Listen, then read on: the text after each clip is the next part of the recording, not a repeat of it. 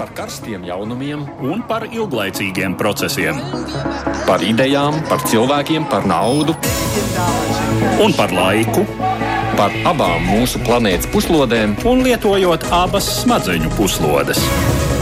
Ēterā raidījums divas puslodes. Klāt ir ikdienas raidījums par starptautiskajām aktualitātēm. Edvards Liniņš un Aits Tomsons saka jums šajā brīdī labdien. Mums ir daudz par ko runāt. Izskatās, ka vienas diennakts laikā Azerbaidžāna ir sasniegusi mērķi atgūt kontroli pār Kalnu Karabahu, kas, kā zināms, nav tās kontrolē 30 gadus.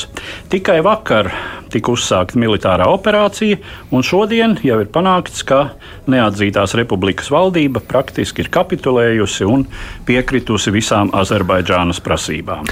Nedēļas garumā bija iespēja sekot dažādām spekulācijām un baumām par to, kas notiek vai noticis ar Čečenijas līderu Ramzanu Kadīrovu. It kā smagi slims, varbūt pat mieris. Kāpēc tik liela interese par šī vietvalža likteni? Mēs vēlamies raidījumā pievērsties Čečenijai un tam, kāda nozīme ir Kadīrova personībai ne tikai Čečenijas, bet visas Krievijas mērogā. Un vēl viens temats, kam nevar nepievērst uzmanību, ir notiekošais Itālijai piedarošajā Lampedūzas salā. Vienas dienas laikā tur pagājušajā nedēļā ieradās vairāk nekā 5000 migrantu. Vai esam atkal saskārušies ar jaunu migrācijas krīzi, un kāpēc esam tik nespējīgi? Eiropas līmenī šo procesu risināt. Radījuma laikā dzirdēsiet arī kāds ieraksts. Studijā mums visu šo stundu kopā ar mums notikumus komentēs portāla TVN žurnālists un arī ārpolitikas institūta asociētais pētnieks Artos Bikavs. Sveicināti! Sveiki! Un mēs sākam vispirms ar nu, jā, arī negaidītajām ziņām no Kaukāza. Vakar Azerbaidžānas bruņotie spēki izvērsa plašu mēroga kara darbību Kalnu Karabahā, devējot to par antiterorisma operāciju. Artilērijas un bezpilotu lidaparātu triecieniem tika pakļauti objekti reģiona galvaspilsētā, Stepanakertā un citur. Kā ziņoja starptautiski neatzītās Kalnu Karabahas jeb Arcahas republikas vadība, Pirmajā uzbrukuma dienā nogalināti 27 cilvēki, tā skaitā divi civiliedzīvotāji. Tika izteikti pieņēmumi, ka Baku vāra nolēmusi ar bruņotu spēku atrisināt nu jau trīs desmitgadus ilgstošo konfliktu starp Azerbaidžānu un Armēņu apdzīvoto separātisko reģionu valsts rietumdaļā. Kalnu Karabaha, armēņu dēvēta par Arcahu, Kopš Padomju Savienības sabrukuma bija praktiski neatkarīga no Baku valdības. Uzturēja ciešus kontaktus ar Armēniju, taču startautiski netika atzīta. 1994. gadā noslēdzoties tā saucamajam Pirmajam Kalnu Karabahas karam, Azerbaidžāna zaudēja kontroli ne tikai pār Kalnu Karabahu, bet arī pār līdz tam Azerbaidžāņu apdzīvotiem rajoniem, kas šķir reģionu no Armēnijas. 2020. gada rudenī Azerbaidžānas bruņotie spēki sakāva Arcahas un Armēnijas vienības un atguva kontroli pār šiem rajoniem, kā arī pār daļu no Kalnu Karabahas pamatteritorijas. Vienīgā saite starp Kalnu Karabahu un Armēniju palika tā saucamais Lačinas koridors ar automaģistrāli, kuru bija jāapsargā Krievijas miera uzturētājiem. Tomēr kopš šī gada aprīļa Azerbaidžāna faktiski īstenoja Kalnu Karabahas blokādi kas noveda šo teritoriju ar tās apmēram 120 tūkstošiem iedzīvotāju uz humanās katastrofas robežas. Šorīt Ārcahas republikas vadība paziņoja, ka tā piekritusi visu republikas bruņoto formējumu atbruņošanai un atlikušo Armēnijas vienību izvešanai no Kalnu Karabahas teritorijas līdz ar visu smago bruņu tehniku. Rīt Azerbaidžānas pilsētā Jevlahā paredzēts sākt sarunas starp Kalnu Karabahas iedzīvotāju un Baku valdības pārstāvjiem, kuru saturs būs reģiona reintegrācija Azerbaidžānas sastāvā. Kalnu Karabahas armēņu tiesību un drošības nodrošināšana, kā arī viņa turpmākā dzīve un darbība Azerbaidžānas konstitūcijas ietvaros. Šķiet, ka neatkarīgajai Artsahas republikai līdz ar to pienācis gals, un atliek vien cerēt, ka tam nesakos vardarbība pret turienes armēņu iedzīvotājiem un viņu cilvēktiesību pārkāpumu. Armēnijas premjerministrs Nikols Pašiņāns savukārt paziņoja, ka Baku valdības mērķis esot etniskā tīrīšana vēsturiskajās armēņu zemēs. Armēnijas galvaspilsētā Erevānā ziņas par Azerbaidžānas bruņoto spēku uzbrukumu kļuvušas par iemeslu demonstrācijām, kas vērstas tā skaitā pret premjerministru Pašiņānu, kurš demonstrantu ieskatā nedara pietiekami tautas brāļa aizstāvībai. Notikušas sadursmes ar policiju, kurās cietuši kā protestētāji, tā arī kārtības sargi. No tādi milzīgā ātrumā risinājušies notikumi pēdējās diennakts laikā. Kā izskatās viss Karabaha, kā neatkarīga republika ir beigas pastāvēt? Man tā neliekas, ja godīgi. Un es arī neteiktu, ka tas ir vienas dienas notikums, jo, kā jau bija uzsvērts, tā blokāde ir sākusies jau aprīlī. Nu, un turklāt vispār jāuzsver to, ka kopš īstenībā Krievijas pilna mēroga iebrukumā Ukrainā jautājums par Krievu, Krievijas tā saucamiem miera uzturētājiem tur bija ļoti aktuāls, jo savā ziņā viņi, viņu skaits tur ir samazinājies. Nu, es domāju, ka var saprast, kāda iemesla dēļ. Tas e, kļuva starp citu kā viens no iemesliem, kādēļ, manuprāt, Azerbaidžāna ir nolēmusi veikt šo, nosauksim to par speciālu militāru operāciju. Lai gan, ja godīgi, man īsti nepatiktu šīs apzīmējums šajā kontekstā. Tādēļ e, man šķiet, ka e, tā situācija īstenībā nav beigusies. Ko mēs redzēsim tālāk, manuprāt, tas ir Azerbaidžāns mēģinājums reintegrēt. Un tik līdz es domāju, ka nosacīts, nezinu, kaut, kaut vai minimāls atbalsts Armēnija dabūs tam, lai šo procesu palēninātu, viņa to darīs. No kā viņa dabūs šo atbalstu? Tas man šķiet ļoti interesants jautājums, jo tas lielā mērā atkarīgs no tā, cik Krievija būs veiksmīga Ukrainā. Jo, ja Krievija Ukraina nebūs veiksmīga, uz ko mēs visi ceram, es domāju, ka Armēnijai kas cits nepaliks, kā vien paļauties uz ASV atbalstu, ja mēs runājam par uh, lielvarām, un Francijas atbalstu, kas ir viena no tām valstīm Eiropā, kas savā vairākumā atbalsta Armēniju. Ļoti tālu aizgāju jā, šobrīd. Jā, es jā, es gribu palikt pa priekš pie pašreizējās situācijas, skatoties uz uh, no to, vai, nu, jā, ko nozīmē kapitulācijas. Nezinu, kā lai to nodēvē. Tas nozīmē būtībā, ka nav vairs neatkarīga republika republika, ja viņi kā sevi uzskatīja vai tēvē? Nu, tur tā lieta, tu pareizi saki par neatkarīgu republiku. Arcahu uzskatīja tikai pati šī republika. Nu, tā tad, acīm redzot, arī tās iedzīvotāju kopums vairāk vai mazāk, bet pat Armēnija nav atzinusi to kā neatkarīgu valsti. Eh, tā tad eh, nu, mēs tikai nosacīti varam runāt par eh, neatkarīgas valsts beigām. Nu, tā tad pašpasludinātas valsts, Na, acīm redzot, nu, uh, Armēnijai un, vēl, un arī Arcahai ir salīdzinoši maz jebkādu argumentu šai procesā. Uh, būtībā vienīgais nozīmīgais arguments, kas šeit varētu būt, kas šeit ir, uh, ir šīs republikas iedzīvotāju tiesības. Uh, tā tad uh, tas, lai viņu um, vispār, nu, teiksim tā, Mm, nav gluži bez pamata bāžas, ka tur var notikt Etniskās. tiešām etniskā tīrīšana vai kāda lēnāka izspiešana, ka tur tiktu radīti apstākļi, nu, kuros armēņi masveidā pamestu šo teritoriju. Uh, kas būtu tas negatīvākais scenārijs. Bet skatoties no tā politiskā skatu punkta, vispār mēs nu, nu, diennakts laikā, vai ne? Nu, taču vēl pirms diennakts ne, ne, mēs neko tādu nerunājām. Jā, bet tas, tas, protams, nav pilnīgi piekrītot Arturam, tas nav diennakts process.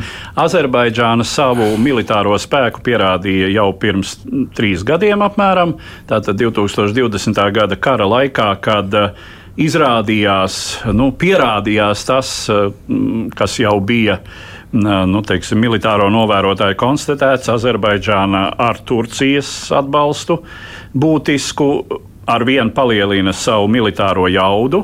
Eh, tās rīcībā ir ieroči, kādu nav ne Armēnijai, ne vēl jau mazāk Arcahas spēkiem. Nu, īsāk sakot, tā bija ne tikai militāri, tīri militāri taktiskā sagrāve, tā bija arī tehnoloģiska sagrāve šiem spēkiem, kas, kas bija pret Azerbaidžānas armiju. Nu, īsāk sakot, šis ir vairāk vai mazāk likumsakrīgs turpinājums. Tajā brīdī tikai Krievijas diplomātiskais svars pamatā un arī tobrīd vēl priekšstats par Krievijas armiju kā ļoti jaudīgu. bija tas, kas atturēja Azerbaidžānu no kaut kādas radikālākas rīcības. Un process tika uz dažiem gadiem iesaldēts. Mm. Kā jau, kā jau Arthurs arī atzīmēja, tā ir tieša. Pašreizējā situācija ir tiešā veidā izrietoša no tā, ka Krievijas priekšstats par Krievijas militāro jaudu ir izkūpējis gaisā, gaisā. Ukrainā. Armēnija zināja, ka tas tā notiks. Es domāju, ka jā, vakar. es domāju, ka viņi tam ir gatavojušies, sevišķi Pašiņans. Un es tāpēc domāju, ka viņš mēģināja sarunāt uh, kaut kādas vienošanas ar Alīvu, par ko viņam parmetā arī ilgi pirms tam, kas notika uh, vakardien. Un tas arī ir viens no iemesliem, kādēļ arī Pašiņans nav īpaši populārs starp Armēnijas iedzīvotājiem. Cits tās, starp ko izvēlēties, jo jebkāds, kas, kas atnāks Pašiņāna vietā, visticamāk mēģinās sadarboties un sadraudzēties ar Krieviju. Cits stāsts mēs redzējām, pie kā tas var novest. Man liekas, ka viens no galvenajiem secinājumiem, ko mēs īsti varam nu, redzēt doto, doto brīdi, tas ir tas, ka uz Krieviju paļauties, kad runa ir par drošības garantijām, nu, absolūti nepareizi. Strateģiski, ja mēs runājam, ja mēs tā skatāmies uz to ļoti realistiski, realpolitiski, ja paļauties uz Krieviju, kad runa ir par drošības garantijām, eh, nav izdevīgi nekādā gadījumā. Nekādā gadījumā. Un tāpēc uh, Armēnija savā ziņā atrodas uh, it sevišķi slikta situācijā, jo tā, tā lūkoties, uz ko viņi var paļauties. Uh, nu, Krievija, jā, kā mēs redzam, nevar paļauties. Jā. Kas vēl paliek? ASV un Eiropas Savienība. Nu, Parāk tālu turklāt, vai Eiropas Savienības un ASV interesēs doto brīdi risināt Kalnkarabahu konfliktu? Man liekas, ka īpaši neņemot vērā to, kas notiek šobrīd Ukrainā. Jā, jautājums pat par resursiem. Jā, tieši, tieši tā, par, nu, par kādiem resursiem, par, par resursiem mēs runājam. Kas vēl paliek? Ķīna. Tīri iespējams, tas varētu būt viens no sabiedrotājiem, uz kuru pusi lūkoties, bet atkal rodas jautājums par kādu cenu. Ņemot vērā to, ka Ķīna rīkojas ne tikai šajā reģionā, bet arī citur, viņi vienmēr prasa ļoti augstu cenu par savām drošības garantijām. Un līdz šīm īstenībā neviens nav arī redzējis, cik Ķīna ir laba šajā jautājumā. Paliek vien Irāna. Bet atkal, nu, situācija ir pietiekami līdzīga. Azerbaidžānai ir viegli, viņiem ir Turcija blakus, un Turcija ir ļoti atbalstoša tam visam, ko dara Azerbaidžāna šeit. Tāpēc uh, man liekas, ka tā kritika, ko uh, šobrīd es esmu redzējis sociālos tīklos un arī medijos, kas izskan uh, pret Armēniju, ceļš tajā kontekstā, ka viņi nebijuši pārāk pret Krievijas uzvedību Ukrainā, lai gan vairākas liecības ir, ka viņi noteikti to neatbalsta. Man liekas, ka tā kritika savā ziņā nav īpaši pamatot, ņemot vērā to, ka savādāk ka vien nesadarboties savā ziņā ar Krieviju, lai kaut minimāli aizstāvētu savas interesēs. Jā, viņi, viņiem nav pie kā vērsties. Bet viņi var, faktiski nebija arī tā, ka viņi bija nu, Kalnu Karabaha, viņiem bija kā tāds. Nu, ne ķīlis, ne kā tāda nasta, kur dēļ viņi arī neko nevarēja daudz vairs darīt. Nu, Kalnu Karabaha, protams, sarežģīja Armēnijas šo uh, ģeopolitisko situāciju vēl vairāk. Viens, viens ir tas, kā tas izskatījās 90. gadu sākumā, kad abas puses bija militāri apmēram vienlīdz uh, spējīgas un visu izšķīra daudz augstākā armēņu morāle un cīņas spars. Un vienkārši tur tajā brīdī Azerbaidžānā, Azerbaidžānas armija bija mm, acīm redzami nemotivēta cīnīties par šiem kalnu reģioniem vai par maz motivēta. Uh, nu, tagad viss ir diezgan būtiski mainījies. Te vēl jāatcerās tāda geogrāfiska detaļa, ka ir Azerbaidžānas teritorija, uh, Nahičevāna, kuru no Azerbaidžānas pamatteritorijas atdala tāds šaurs armēņu, Armēnijas koridors, tāda astīte, kas stiepjas no Armēnijas pamatteritorijas uz, no, nu, tātad Armēnijas teritorijā ir Mhm. Šis galvenais masīvs, kur ir galvaspilsēta, un tad Irānas robežas virzienā. Un, nu, teiksim tā, šobrīd pastāv vienošanās. Tur arī ir tāds koridors, kuru izmanto pašreiz Azerbaidžāna, bet sākoties militāram konfliktam, uh, No Azerbaidžānai varētu būt liela kāra pār, pārraut šo uh, teritoriju un pateikt, nu, ziniet, 30 gadus jūs turējāt savā kontrolē mūsu teritorijas daļu. Nu, tagad, tagad mēs paturēsim šo, jo mums tas ir nepieciešams. Un ej nu piespied Azerbaidžānu tur, tur piekāpties. Tā kā Armēnijas situācija tiešām ir slikta. ļoti slikta. Bet, uh, es lasīju arī interesi Aristoviču Ukrainas, tad, tad uh, šī prezidenta bijušā padomnieka sacīto, ka viņa prāt, nu, nu, Pašiņāns laimīgs būtu, varētu būt par to, ka viņš tiek vaļā no Kalnu Karabahas, jo lūk, tas klans apmēram tā, Kalnu Karabahas armēņu klans ir turējis eh, pašu Armēniju tā kā ķilnieka lomā. Visu cieņu Aristoviča kungam uh, par to, ko viņš ir darījis, būdams Zelenska kunga padomnieks, bet man liekas, ka tas ir viens no tiem jautājumiem, kurā es uzskatu, ka viņš ne ļoti labi izprot un saprot. Tā ir absolūti normāla lieta, nezināt kaut kādas lietas. Mm. Nevar būt tā, ka tu zini visu. Teiksim, es neuzskatu sevi par baigu Japānas speciālistu, tādēļ arī ne, ne, nu, neko īpaši nerunāju par to. Es varu runāt, balsties uz savām pamatzināšanām, jā, bet tas arī tas maksimums. Šeit, manuprāt, ir situācija diezgan līdzīga. Es domāju, ka viens no iemesliem, kādēļ īstenībā Aristovičs kaut ko vispār tā sāka par Kalnu-Karabahu, protams, tā ir aktualitāte, otra lieta.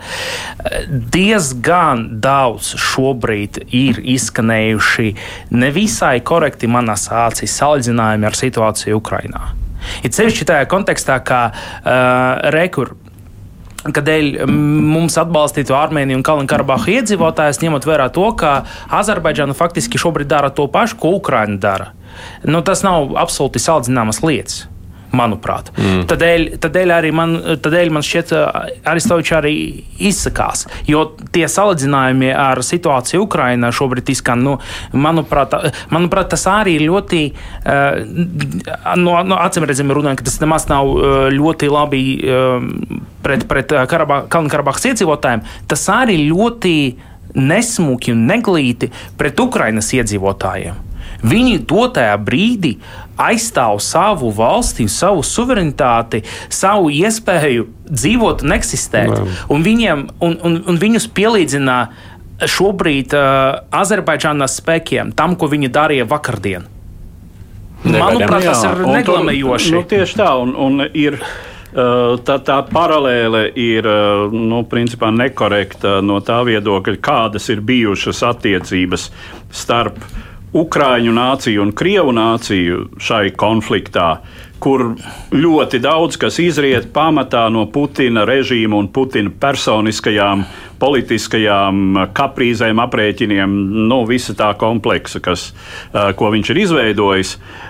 Un no otras puses ir konflikts starp Armēniju un Azerbaidžānu, kas ir Uh, vismaz simts gadus ilgs, diezgan izteikts etniski reliģisks konflikts ar ļoti bēdīgu arī vēsturi, ar masu slaktiņiem jau Pirmā pasaules kara noslēgumā.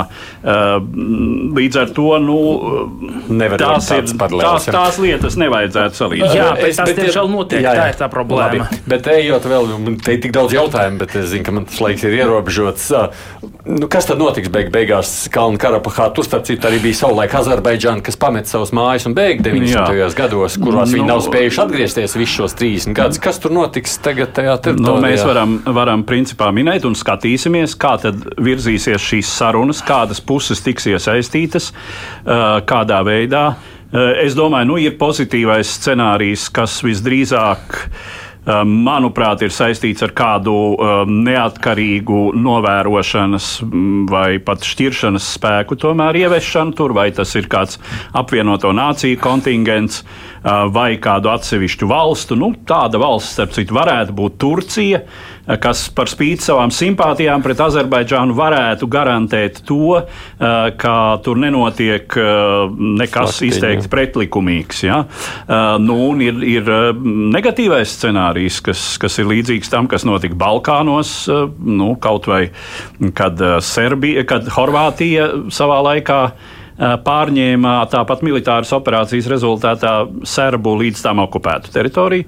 Um, nu, un, uh, tur bija, diemžēl, mm, cilvēktiesību pārkāpumi, eh, etniskās tīrīšanas elementi. Nu, katrā ziņā Uh, nu, te, gan, te gan ir jāsaka tā, nu, uh, nu, tā Kalnu Karabaha ir vienmēr bijusi armēņu apdzīvota teritorija simtiem gadu, um, ja ne tūkstošiem. Uh, nu, teiksim, tas būtu starptautiska mēroga milzīgs skandāls, ja ja tur teiksim, notiktu masveida šīs iedzīvotāju daļas izspiešana. Kā tev šķiet, kas tur notiks? Jā, jā godīgi vienīgā lieta, ko mēs daudz maz varam prognozēt, tas ir cilvēktiesību pārkāpumi. Nu, tas, mm. man, man tas jautājums neizraisa. Ceļš ņemot vērā to, ka mēs to vērojam te jau 30 gadus. Uh, kas vēl? Nu, man ir tāda sajūta, ka Krievijas ietekme eh, vēl aizvien mazināsies tur, un eh, es patiešām piekritīšu Edvardam, ka visticamāk mēs redzēsim turnīru uzturētājus jau no ANU puses. Tas ir. Es domāju, ka mēs redzēsim mēģinājumus savā ziņā Azerbaidžāna savu ietekmi nostiprināt tieši Kalnu Karabahā, un tas būs tāda lēna, pakāpeniska, nevis pat integrācija, bet asimilācija, kas vēlreiz visticamāk novēdīs pie cilvēktiesību pārkāpumiem. Par to esmu diezgan pārliecināts. Un pabeidzot tikai savukārt Armēnijas liktenī skatoties, Pašiņjans pārdzīvos šo Mm, grūti teikt. Ļoti grūti teikt. It sevišķi ņemot vērā to, ka viņš arī pie vāras ir nācis eh, faktiski demonstrāciju, aktīvo mitingu rezultātā. Līdz ar to viņš tikpat labi var to varu arī zaudēt. Cits tas, un man liekas, ka tas galvenais būtu noprast, kas atnāks viņa vietā. Jo, ja tas būs kāds prokriviski noskaņots cilvēks, Man šķiet, ka tas vienkārši nolems eh, Armēnijas likteni uz de desmit gadiem, un tas nebūs labs liktenis. Mm. Pa tuvu nē. Uh, cerāms, ka Armēnijas iedzīvotāji, protams, nesmu ne spekos, ne amatā, ne jau pilnvaros rekomendēt, nu, kā rīkoties Armēnijas iedzīvotājiem, bet es vienkārši vēlos uh, viņiem pavēlēt uh, tikai visu mm. labāko. Nu, novēlēt, jā. Novēlēt, novēlēt, novēlēt. jā, jā. uh, bet nu, es, es domāju, tā vērtējot diezgan provizoriski, man jāsaka, vērtējot arī to Azerbaidžānas sabiedrības noskaņojumu, es mazliet šaubos, ka Azerbaidžāņu sabiedrība būtu gatava teiksim, savu vadību, savu valsts varu.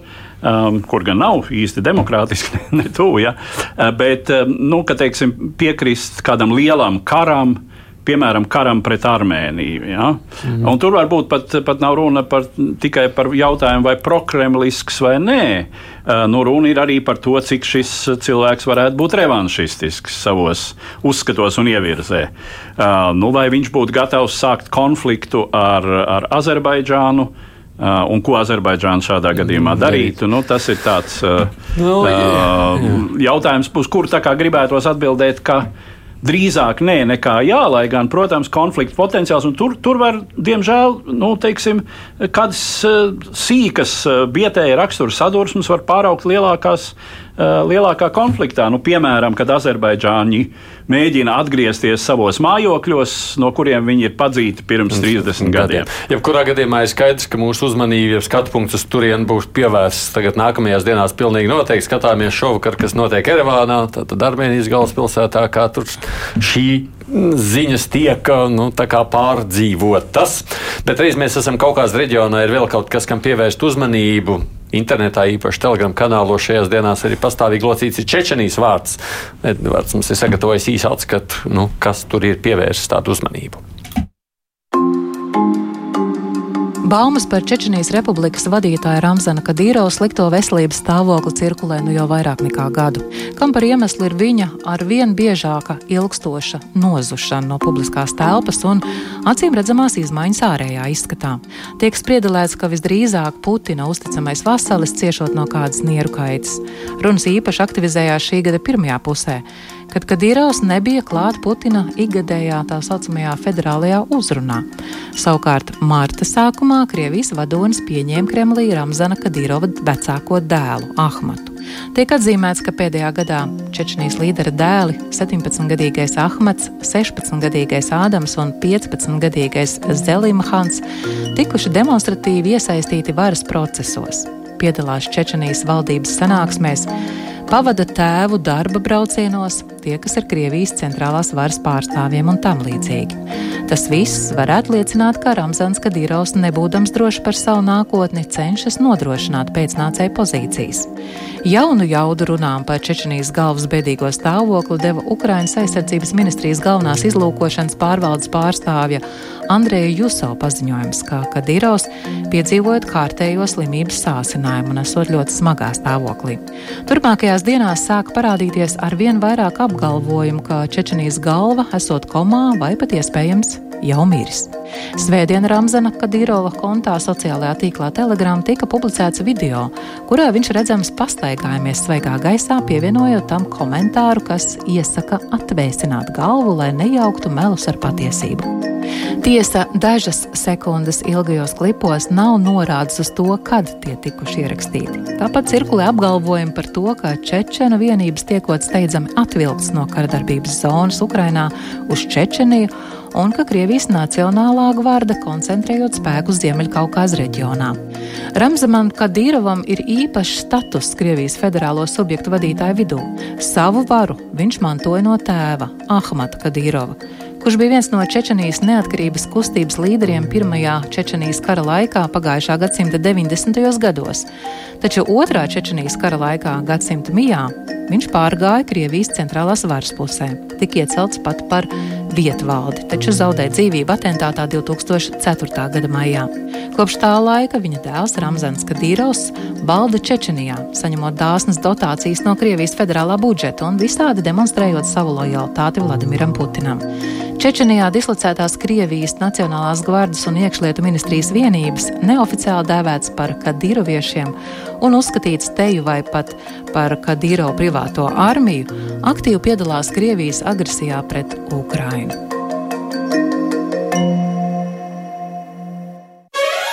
Divas puslodes. Kas tad notiek ar Kadīrovu? Kurš zina? Nu, Dievs viņu zina. Dievs zina. Vai, Nu, vai, vai vēl kādi teikt, arī vēlns viņu zina. Man liekas, ka viena lieta noteikti var pateikt, ka viņš visticamāk ir slims. Mm. -hmm. uh, iespējams, pat arī garīgi. Bet, uh, ja mēs nejokosim un skatīsimies uz to nopietni, uh, viss liecina par to, ka viņam ir nopietnas problēmas ar veselību. Tas gan.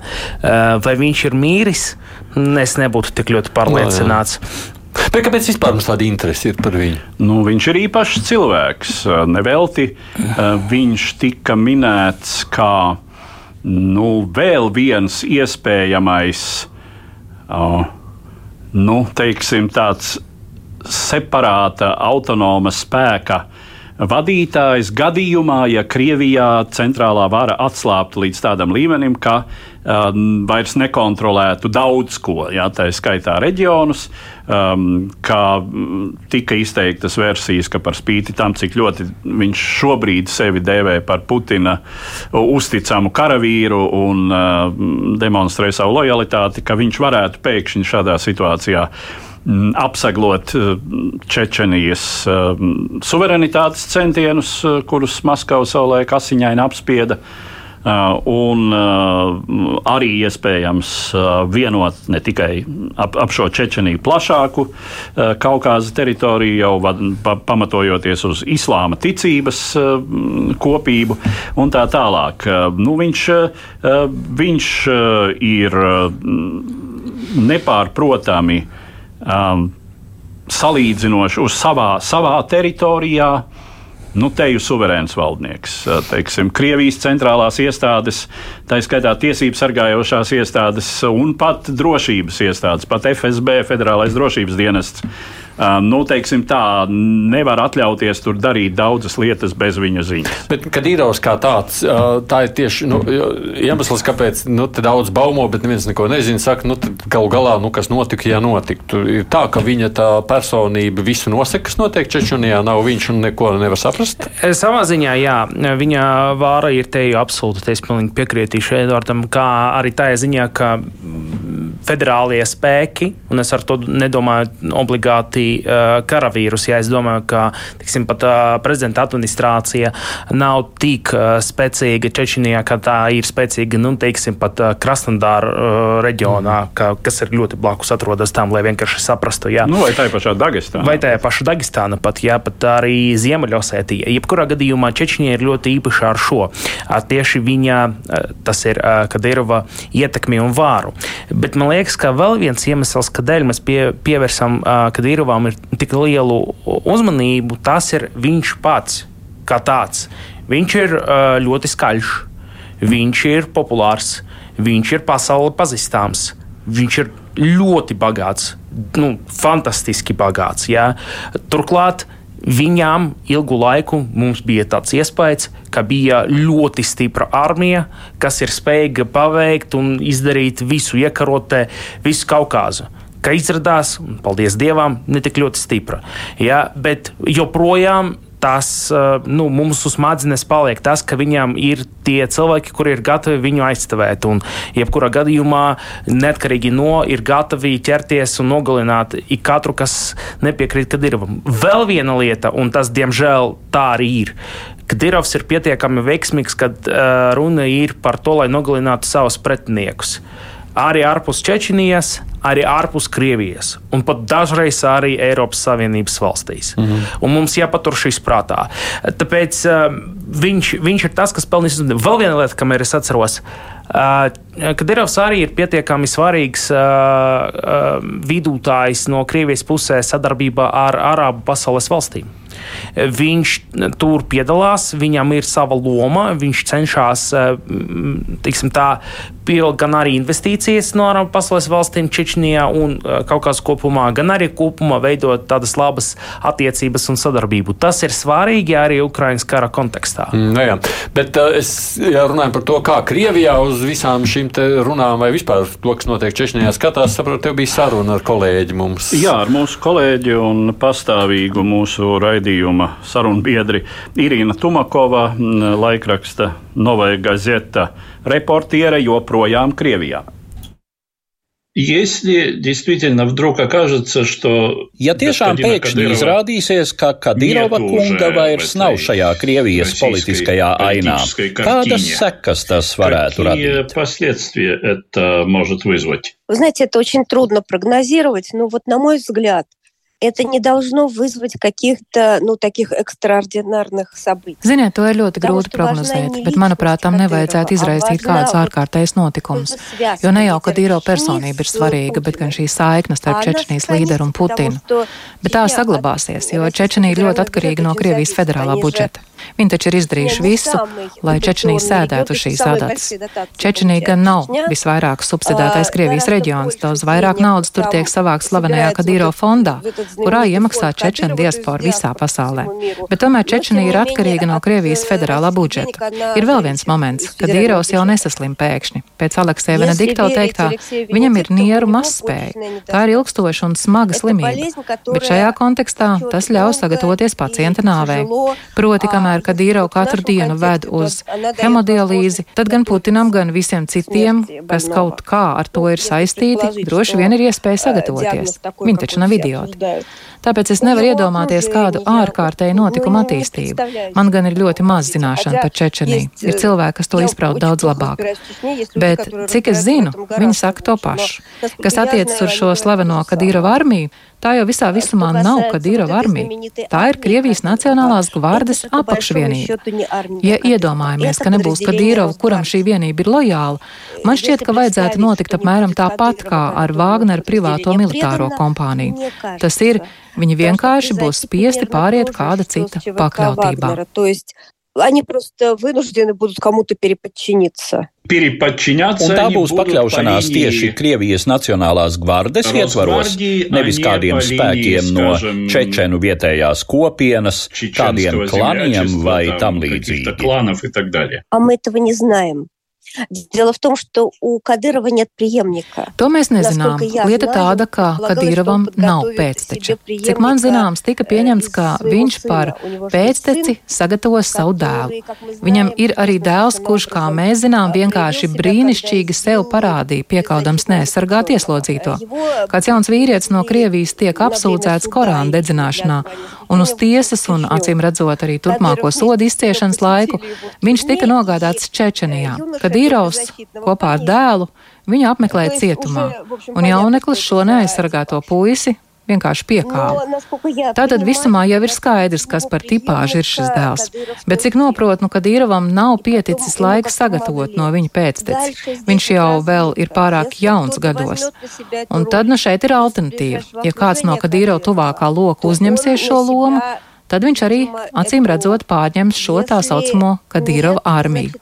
Ja nē, tad Nacionālā gvārda pārņems to savā kontrolē.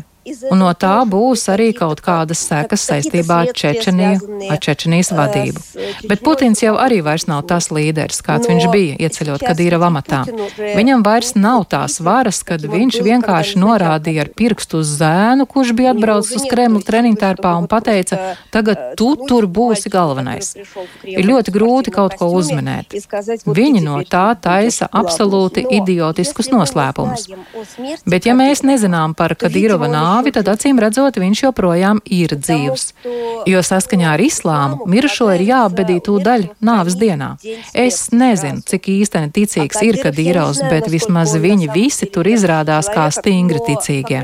Tas nozīmē, ka viņi centīsies ievērot šīs ārējās normas un noteikumus. Tāpēc man šķiet, ja viņš nomirs, mēs to uzzināsim diezgan ātri. Умрет, то мы об этом узнаем довольно быстро. Nu, ja nomirs, tad nomirs, bet tas galvenais jautājums, ja nu kaut kas ar viņu notiek, kas notiek pašā Čečenijā, tavuprāt, kā, nu, tāds skats ir no Krievijas, lūkojoties no Pēterburgas, tavuprāt? Kā? Man šķiet, ka, man šķiet, ka nevajag, nu, nevajag mazināt viņa ietekmi, ko es ar to gribēju pateikt mēs varam palūkoties uz to, kā tas bija Kazahstānā. Ja mums likās, ka Kājs atnāks Nazarbājeva vietā un nekas baigi nemainīsies. Ja ceļš ņemot vērā to, ka Kājs jau ilgu laiku bijis pie vāras un ka viņš ir no Nazarbājeva klāna un tālāk tā joprojām. Ja? Tagad atnāks, teiksim, Daudovs, kas ir Čečenijas parlamenta spīkeris, vai Delim Hanovs, kas ir Kadirova viens no galvenajiem pārstāvjiem, teiksim, tā valsts domē. Un nekas nemainīsies. Man tā neliekas. E, gluži pretēji īstenībā, jebkāds, kurš atnāks no citas ģimenes, kas arī kaut kas, kas iepaturprātā to, ka teipi, jeb ģimenes, jeb klāni ir ļoti svarīgi Čečņijā, tas ir bez šaubām. Vi, viņš atnāks un viņš nemēģinās mazināt uh, iespējas, ka viņu gāzīs kāds no Kadīrova dēļiem pēc 10, 15 gadiem. Noteikti ne. Viņš darīs visu, lai tiem dēļiem ne, nebūtu nekādas iespējas to izdarīt. Vienalga, Dēliem Hanovs vai Daudovs. Mm -hmm. Un uh, tāpat būs arī ar visiem citiem pretiniekiem. Mēs redzējām, kā, mēs redzējām, kā Kadīrovs gandrīz piecu gadu laikā pilnīgi iznīcināja visus opozicionārus, lai gan viņi visi ir bijuši uh, viņa līdzgaitnieki. Piemēram, Jangulbaila ģimene, jā, Krievijas varoni, kā nekā. Abi nogalināti. Un, uh, mēs redzam, kā tas notiek. Es, man šaubu nav, ka līdz būs kaut kādas tādas izmaiņas. Mēs redzēsim, ka kontrole par to, kas šobrīd notiks Čečņijā, būs absolūti savādāka. Es domāju, ka tā ir, tā ir ļoti bīstama uh, vieta. Tātad, klausoties Arthurs, saprotam, ka ziņām no Čečenijas un to, kas notiek ar Kadīrovu likteni, ir vērts sekot līdzi. Jā, protams. Viena versija, kas arī izskan, Mm, tā bija kāda publikācija arī mm, Novēja Gazeta pirms kāda laika, ka mm, iespējams šī mazgadīgo, vēl nepieaugušo dēlu staipīšana līdzi pildot varas funkcijas ir drīzāk nevis tāpēc, ka Kadīraus cerētu vi, uz viņiem kā uz turpinātājiem, bet drīzāk, nu, lai viņus iespējams šādā veidā kaut kā nodrošinātu nākotnē vienkārši jā, tiešām pret, pret izrēķināšanos, pret novākšanu, uh, nu, pietuvinot Krievijas varas virsotnei, cerot, ka uh, viņi tur varētu gūt kādu gūt kādu atbalstu un aizstāvību. Tad mēs redzam, ko nozīmē liela bagātība un liela vara, ar, kādu, ar ko pēc tam jābaidās, tad, kad šis var sākt izslīdēt ārpus kontroles. Pievēršamies šodien vēl vienam tematam. Mēs jau krustpunktā šodien runājām par krīzi, ko cenšas izraisīt Baltkrievija ar migrantu plūsmas organizēšanu pie mūsu robežas, bet nu, krietni grūtāk risinām notikumi arī šajās dienās ir Eiropas dienvidos tur situācija ir ļoti saspringta. Vairāk nekā 5000 cilvēku ierašanos dienas laikā pagājušā nedēļā piedzīvoja Itālijai piedarošā Lampedūzas sala vidusjūrā. Nelielajā salā atrodas migrantu uzņemšanas centrs, kurā paredzēta vieta 400 cilvēkiem, un tas ir pārpildīts. Pagājušās trešdienas pēcpusdienā sāsinājās spriedze Lampedūzas ostā, kur nonāca daudz migranti. Policija atvairīja simtiem migrantu, kas mēģināja izlausties cauri barjerām, lai atstātu ostas rajonu. Pēc tam tūkstošiem migrantu ar policijas laivām un prāmjiem tika aizvest uz Sicīliju vai Itālijas kontinentālo daļu, un situācija salā atgriezās tuvāk normālai. Šonadēļ Itālijas valdība noteica stingrākus pasākumus cīņā ar nelegālo migrāciju pāri vidusjūrai, tomēr sagaida arī plašāku iesaisti no Brīseles. Šī gada laikā Itālijā nonākuši jau vairāk nekā 126 tūkstoši migrantu, un tas ir divreiz vairāk nekā šajā laika periodā pērn. Eiropas komisijas prezidenta Urzula Fonderleina nāk uz klajā ar desmit punktu plānu Lampedūzai, tomēr ne tik spēcīgu, kā to vēlētos redzēt Roma. BBC ziņo, ka Itālijas premjerministre Džordžija Meloni vēlas redzēt Eiropas Savienības jūras blokādi, kas neļautu migrantu laivām sasniegt Itālijas krastus. Es atgādinu, bez mums ar Eduardu studijā notikums komentēja ārpolitikas institūta asociētais pētnieks, TV net žurnālists Arturs Bikaus, bet caur Zoom platformu studijai šobrīd pievienojas arī Eiropas parlamenta deputāte Dec Melbārdi. Labdien, Melbārds kundze! Labdien! Kāpēc situācija atkal tik ļoti sāsinājusies ir tagad, kā jūs to redzat no Briseles skatoties? Nu, faktiski mums jārunā ir, eh, gan par cēloņiem, gan eh, priekšnoteikumiem, ka šo situāciju ir sāsinājuši. Un cēloņi ir, protams, ekonomiskā nevienlīdzība, klimata pārmaiņas, tikko notikušie plūdi Lībijā, kas ir sāsinājuši bēgļu kustību no šī reģiona, nestabilitāte pašā Tunisī, Tunisijā un citās arī Āfrikas valstīs. Tā skatā dažādi cilvēktiesību pārkāpumu vajāšanas. Tie būtu tādi nu, jau labi zināmi cēloņi. Protams, ka savu lomu ir spēlējusi arī Krievija ar savu izraisīto pārtiks krīzi un enerģētikas krīzi. Uh, bet ir jārunā, protams, arī atklāti par dažādiem priekšnoteikumiem, kas uh, šo situāciju sāsina. Un, pirmkārt, uh, tā ir pieaugoša cilvēku kontrabanda, ko nespēja kontrolēt ne Āfrikas reģiona valstis, ne Eiropas Savienība. Uh, un, diemžēl, jārunā arī par to, ka Eiropas Savienības migrācijas politika acīm redzot nav bijusi pietiekoši efektīva. Šobrīd Eiropas Savienībā dažādi uh, domātāji un eksperti un arī atsevišķi politiskas grupas un politiķi lieto vēl tādus smagākus vārdus, saka, ka ir pilnībā izgāzusies. Uh, nu, uh, runājam arī par to, ka uh, arī Tunisijas valsts, no kurienes ir lielākā migrantu plūsma, uh, laivu plūsma šobrīd, uh, ir arī uh, piedalījusies uh, šī procesa orķestrēšanā, lai izspiestu lielākus labumus no Eiropas Savienības. Tā kā, nu, tie priekšnoteikumi situācijas sāsināšanai būtu ieraugāmi vairāki. Mm -hmm. Mēs jau tur vienā brīdī atcerēsimies, likās, nu, ka mierīgāk paliek, vai ne? Kaut kas taču tā kā. Jā, bet kā izrādās, nē, un pēc tam, ja sāk sekot šai temai dziļāk, diezgan ātri saprot, ka tā plūsma nu, bija visu laiku, protams, nevar salīdzināt ar tiem avioniem, kas bija teiksim, 15. gadā. Nu, jā, jā, neviens par jā. to nerunā, bet tā plūsma joprojām pastāv.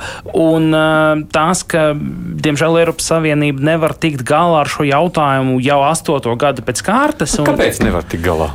Es domāju, ka tāpēc, ka Eiropas Savienība sastāv no, 12, no 27 valstīm.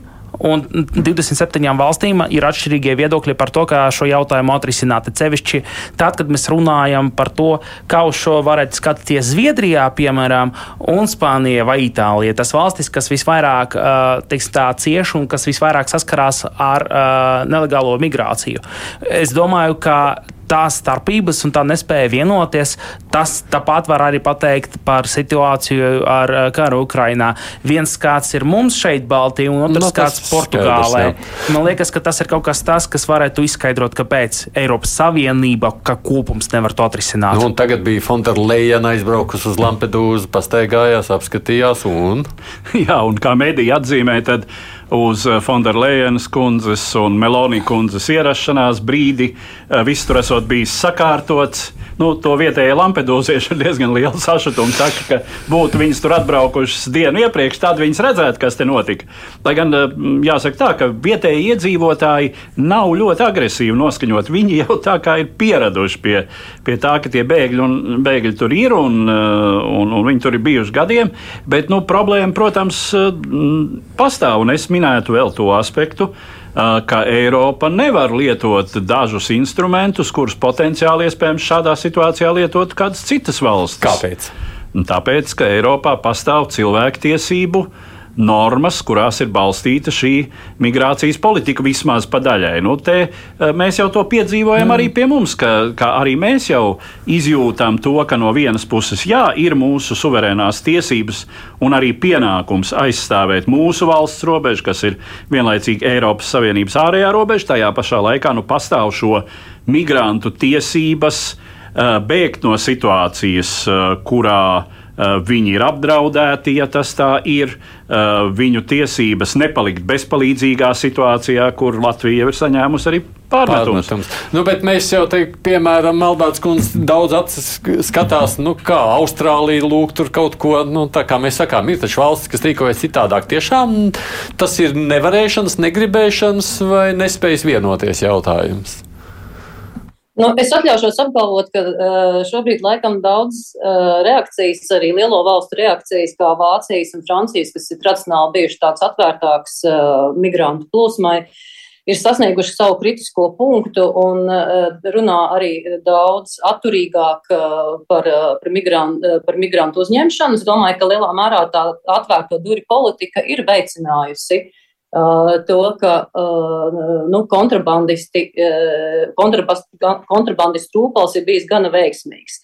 Bet nu, šobrīd es domāju, ka nu, situācija mainās. Es domāju, ka tas mainās arī tādā nu, politiskas spiediena rezultātā, jo mēs redzam, ka šie migrantu pieplūdumi un Eiropas Savienības un tās valsts nespēja tikt ar to galā, veicina arī nu, labējāku Uh, labējākas politikas, labēj, um, labējā, labējāku uh, ekstrēmāku partiju uh, ienākšanu Eiropas politikā, kas ir arī skaidrs mājiens, ka ar to kaut kas ir jādara, jo iedzīvotāju viena daļa tomēr to nav apmierināta.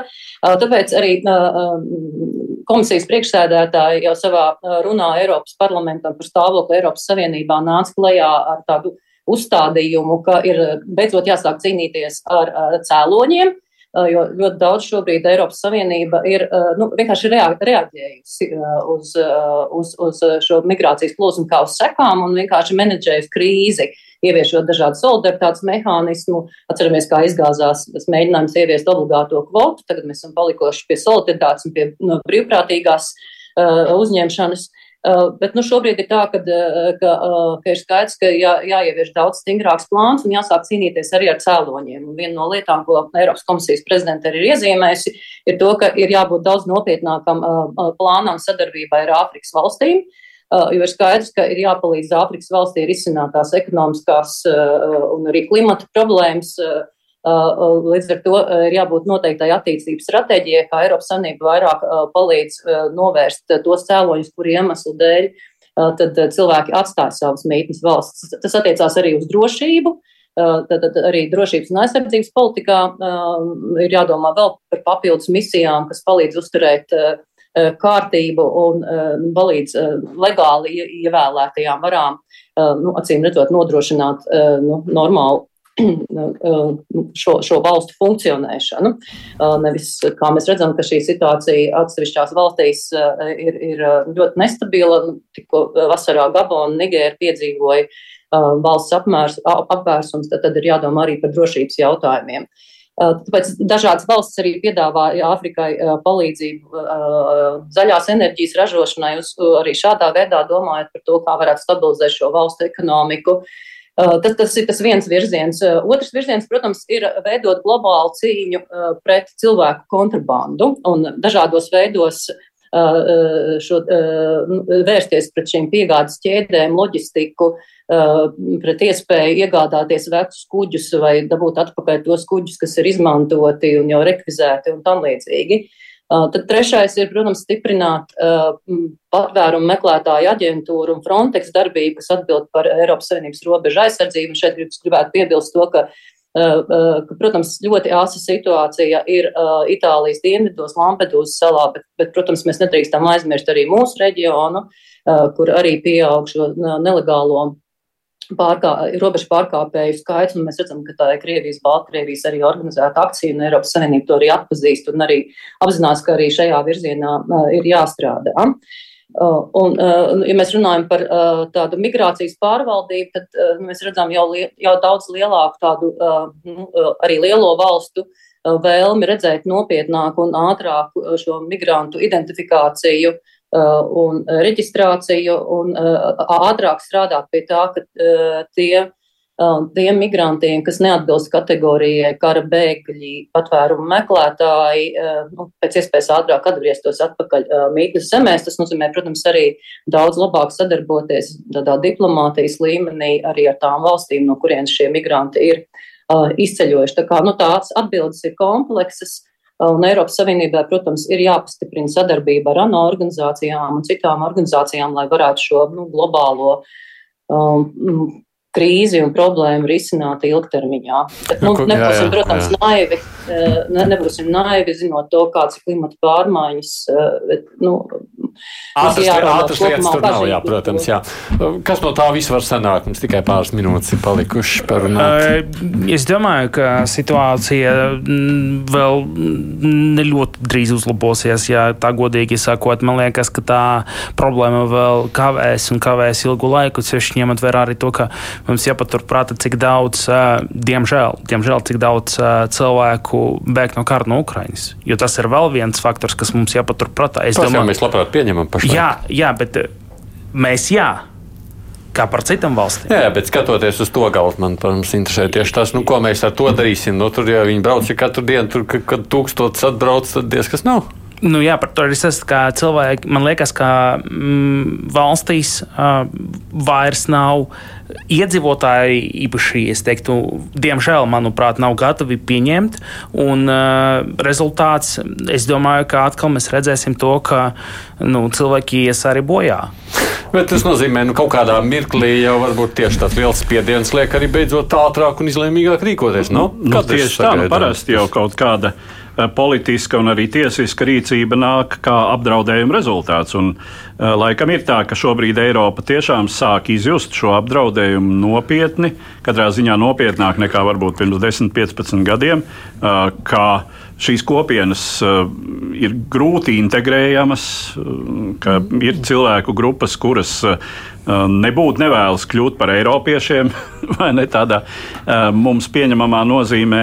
Un, nu, ka, visa, ka tas viss tiešām ir liels problēmu komplekss un piesaucot tos pašus ukraiņu bēgļus, nu, kāpēc tad pret viņiem ir cita attieksme? Tie vismaz, jo sevišķi šeit, Eiropas austrumu daļā, mūsu reģionā, nu, mēs viņus izjūtam kā mentāli, kultūrāli sev ļoti tūs cilvēkus, kas tā nav ar šiem imigrantiem no Āfrikas, katrā ziņā, nu, atkal savukārt, teiksim, lielā daļā Eiropas. Bet skatoties, pieņemsim, Francijā paziņoja, ka ka viņi neuzņems tagad šos uh, iebraucējus. Nu, mēs redzam, ko Polija, protams, nu labi, šis gals jau vairāk un mazāk tas nozīmē, nu šis ir tas pareizais ceļš. Neļaut vienkārši tā izdalīt un atkal neko nedarīt. Nē, nē, nē, nu, tad es nevaru iedomāties, ka, ka tagad nekas ne... Un tiek jau darīts. Nu, mēs jau arī redzam šo desmit punktu plānu, kas gan jāsaka tā, nu, Tur nav nekāda brīnuma līdzekļu tajā plānā. Tie ir tie paši mehānismi, tie paši instrumenti, kas ir lietoti līdz mm. šim. Tikai atgādinājums, ka tie ir jā, jālieto intensīvāk, konsekventāk. Es domāju, ka tiešām, nu, kā jau Melbārds kundze arī atzīmēja, eh, šis uh, visproduktīvākais virziens ir sadarbība ar Āfrikas valstīm. Uh, visos šajos aspektos mazināt iespējamās cilvēku plūsmas, stingrāk kontrolēt savas robežas, uh, uzlabot ekonomisko situāciju. Nu, iespējams, ka tur ir vēl kādi papildu mehānismi, kā teiksim, ar naudu uh, var risināt. Nu, piemēram, teiksim, maksājot šiem cilvēkiem tā rupi runājot, maksājot šiem cilvēkiem par to, lai viņiem nebūtu vēlēšanās doties prom no savas dzimtenes, lai viņi turpat uz vietas varētu Jā. kaut kā savu eksistenci pieņemam nodrošināt. Nu, labi, redzēsim, jau jebkurā gadījumā ir skaidrs, ka šīs ir tādas ziņas, kas arī mūs interesē, kaut vai tieši tāpēc, ka jā, mēs jau arī tagad ar vien vairāk to saskaramies, skatoties pie mūsu robežas. Mēs par to arī kruspunktā šodien, kā jau es pieminēju, runājām. Paldies Eiropas parlamenta deputātei Dacē Malbārdei, ka pievienojaties studijai mums attālināti. Klātienē savukārt visu stundu bija ārpolitikas institūta asociētais pētnieks Tēvenis žurnālists Artūrs Bikaus. Paldies, Artūr, tev par veltīto laiku. Ar savu ekspertīzi šeit bija arī raidījuma līdzautors Edvards Liniņš. Paldies. Procenti ir Ieva Zeiza, man sauc Aidis Tomsons. Mēs tiksimies atkal nākamajā nedēļā. Edvards gan pāris nedēļas būs prom atvaļinājumā. Bet Jā. nu, raidījums būs temats, par ko runāt, protams, būs vienmēr. Tāpēc saku līdz nākamajai reizei atkal šeit ēterā. Divas puslodes!